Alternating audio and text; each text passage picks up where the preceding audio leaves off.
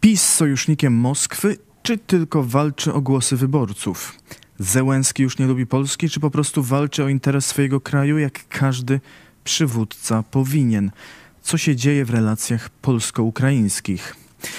W ostatnich dniach obserwujemy rozniecanie konfliktu między Ukrainą a Polską. Zaczęło się od zboża, skracając po pełnoskalowej agresji Rosji na Ukrainę i blokadzie ruchu morskiego do Polski wjechały duże ilości zboża z Ukrainy, co uderzyło w polskich producentów, gdyż zboże ukraińskie, które innymi nie musi spełniać norm unijnych dotyczących nawozów, jest tańsze.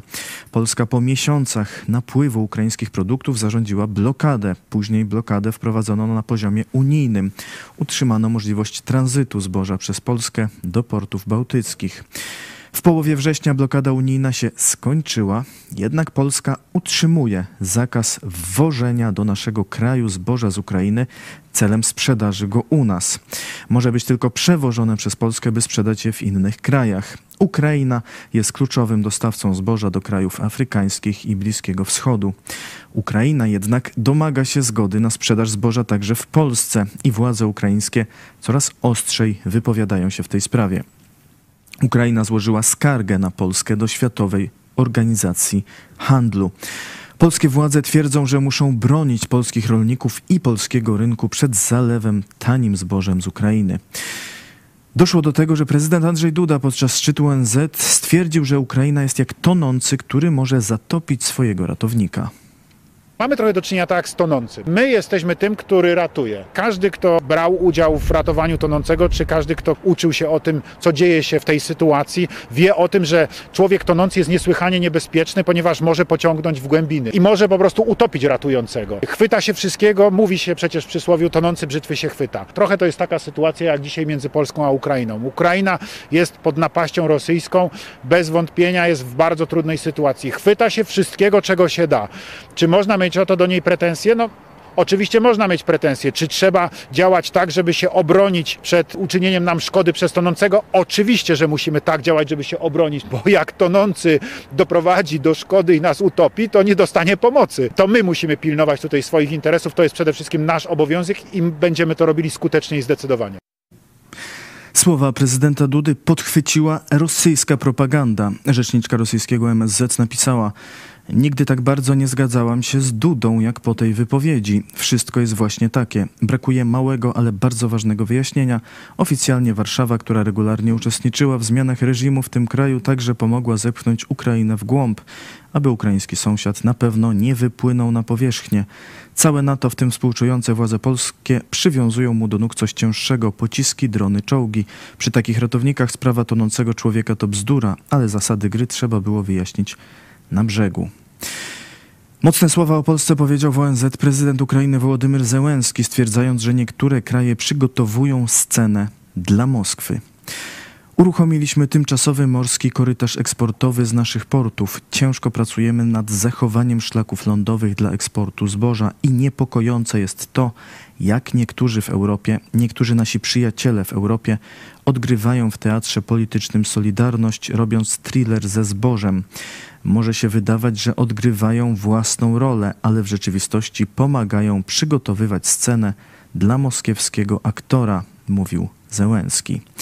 Premier Morawiecki odpowiadał: To są bardzo mocne słowa. Te słowa z gruntu odrzucamy i jednocześnie przesyłamy słowa przestrogi w kierunku Kijowa, żeby nie grał w takie nuty, które de facto podchwyciły od razu tutaj w Polsce tak zwane ruskie trole.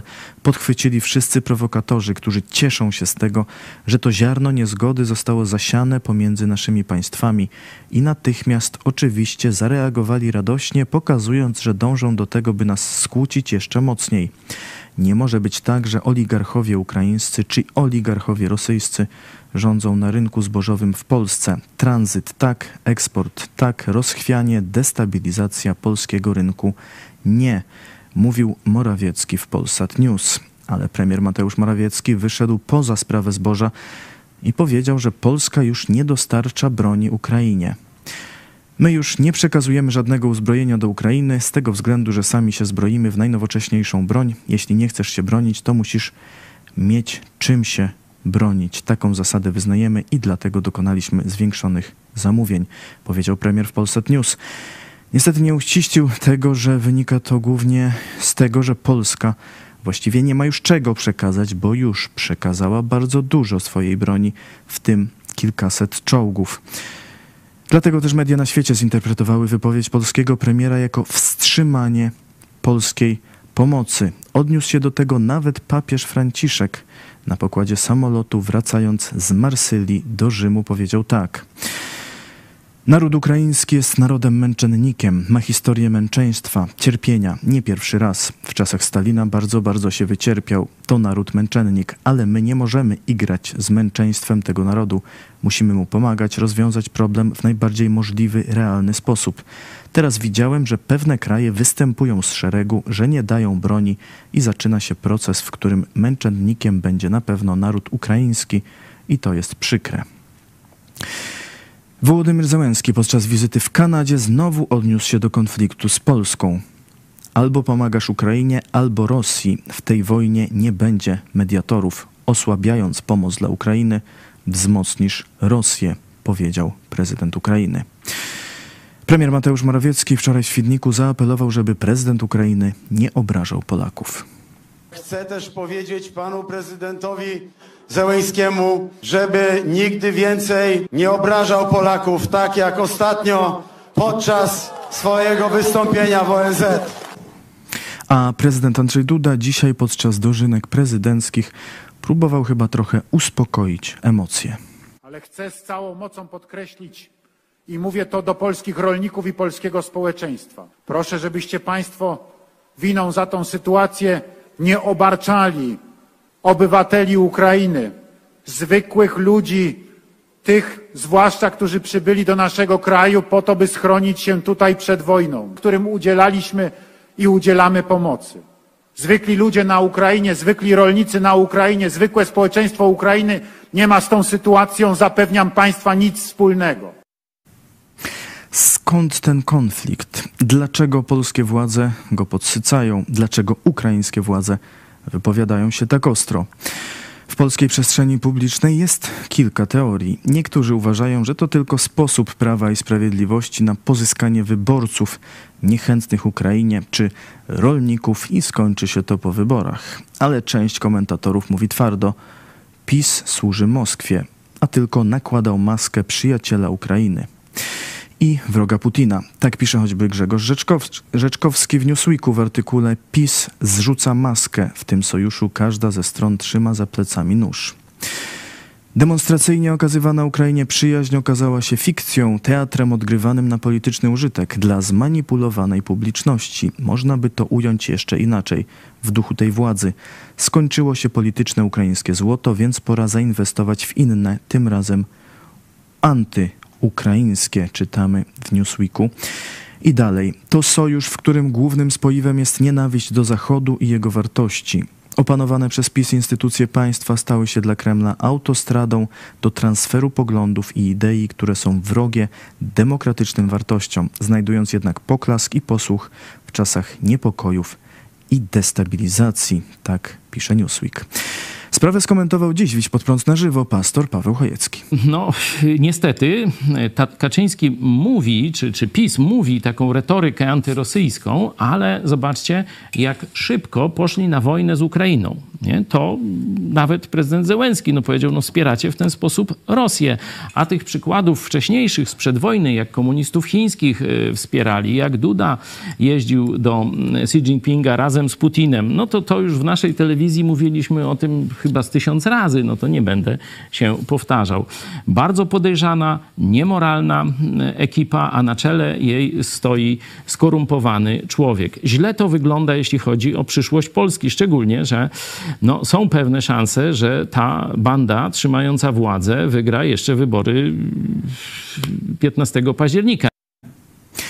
Z drugiej strony wielu komentatorów uważa, że to Niemcy wpłynęły na Ukrainę, aby porzuciła Polskę i wróciła do sojuszu z nimi. Dziennik Gazeta Prawna przytacza dziś wypowiedź anonimowego źródła z otoczenia prezydenta Dudy. Zaskoczyła nas skala dogadania z Niemcami. Trzeba powiedzieć uczciwie, że to przegapiliśmy. Ambasada w Berlinie nie informowała nas o skali problemu. Uśpił nas stosunek ukraińskich władz do Niemiec. Michał Bruszewski, ekspert do spraw bezpieczeństwa na Defense24 pisze: Nagle doszło do wielkiej zmiany w percepcji Republiki Federalnej Niemiec nad Dnieprem. Niemcy z państwa, które wątpiło w obronę Ukrainy i wstrzymywało dostawy, zaczęło geopolityczny sprint po to, by stać się państwem numer jeden w odbudowie tego kraju. Kto zna sytuację w Kijowie, ten potwierdzi moje słowa. Delegacje niemieckich przedsiębiorców zaczęły licznie odwiedzać ukraińską stolicę. Analityk daje jednak nadzieję. Odróżnijmy elity polityczne od wojskowych. Z tymi drugimi Polska ma wciąż relacje jak najlepsze. Siły zbrojne Ukrainy, jak to bywa na wojnie, stały się odrębną polityczną partią nad Dnieprem. Nie przez przypadek wymienia się generała Wałeria Załużnego lub generała Kryło Budanowa jako potencjalnych przyszłych prezydentów Ukrainy. Ukraińskie wojsko doskonale wie, że pomoc militarna może wyłącznie płynąć przez Polskę, że to Warszawa postawiła na obronę Ukrainy, a nie Berlin, że to na polskich poligonach szkolą się Ukraińcy i że to polskimi piorunami zestrzeliwano rosyjskie maszyny. Dziękuję Państwu za uwagę. Zapraszam jeszcze na dzisiejsze Idź pod prąd na żywo o kopercie Kaczyńskiego. Nagranie już na kanale pod prąd na YouTube. Zachęcam też do komentowania, jak Wy oceniacie relacje polsko-ukraińskie. Dziękuję za uwagę. Odwiedzajcie nasze profile na Facebooku, Twitterze i Instagramie. Do zobaczenia jutro.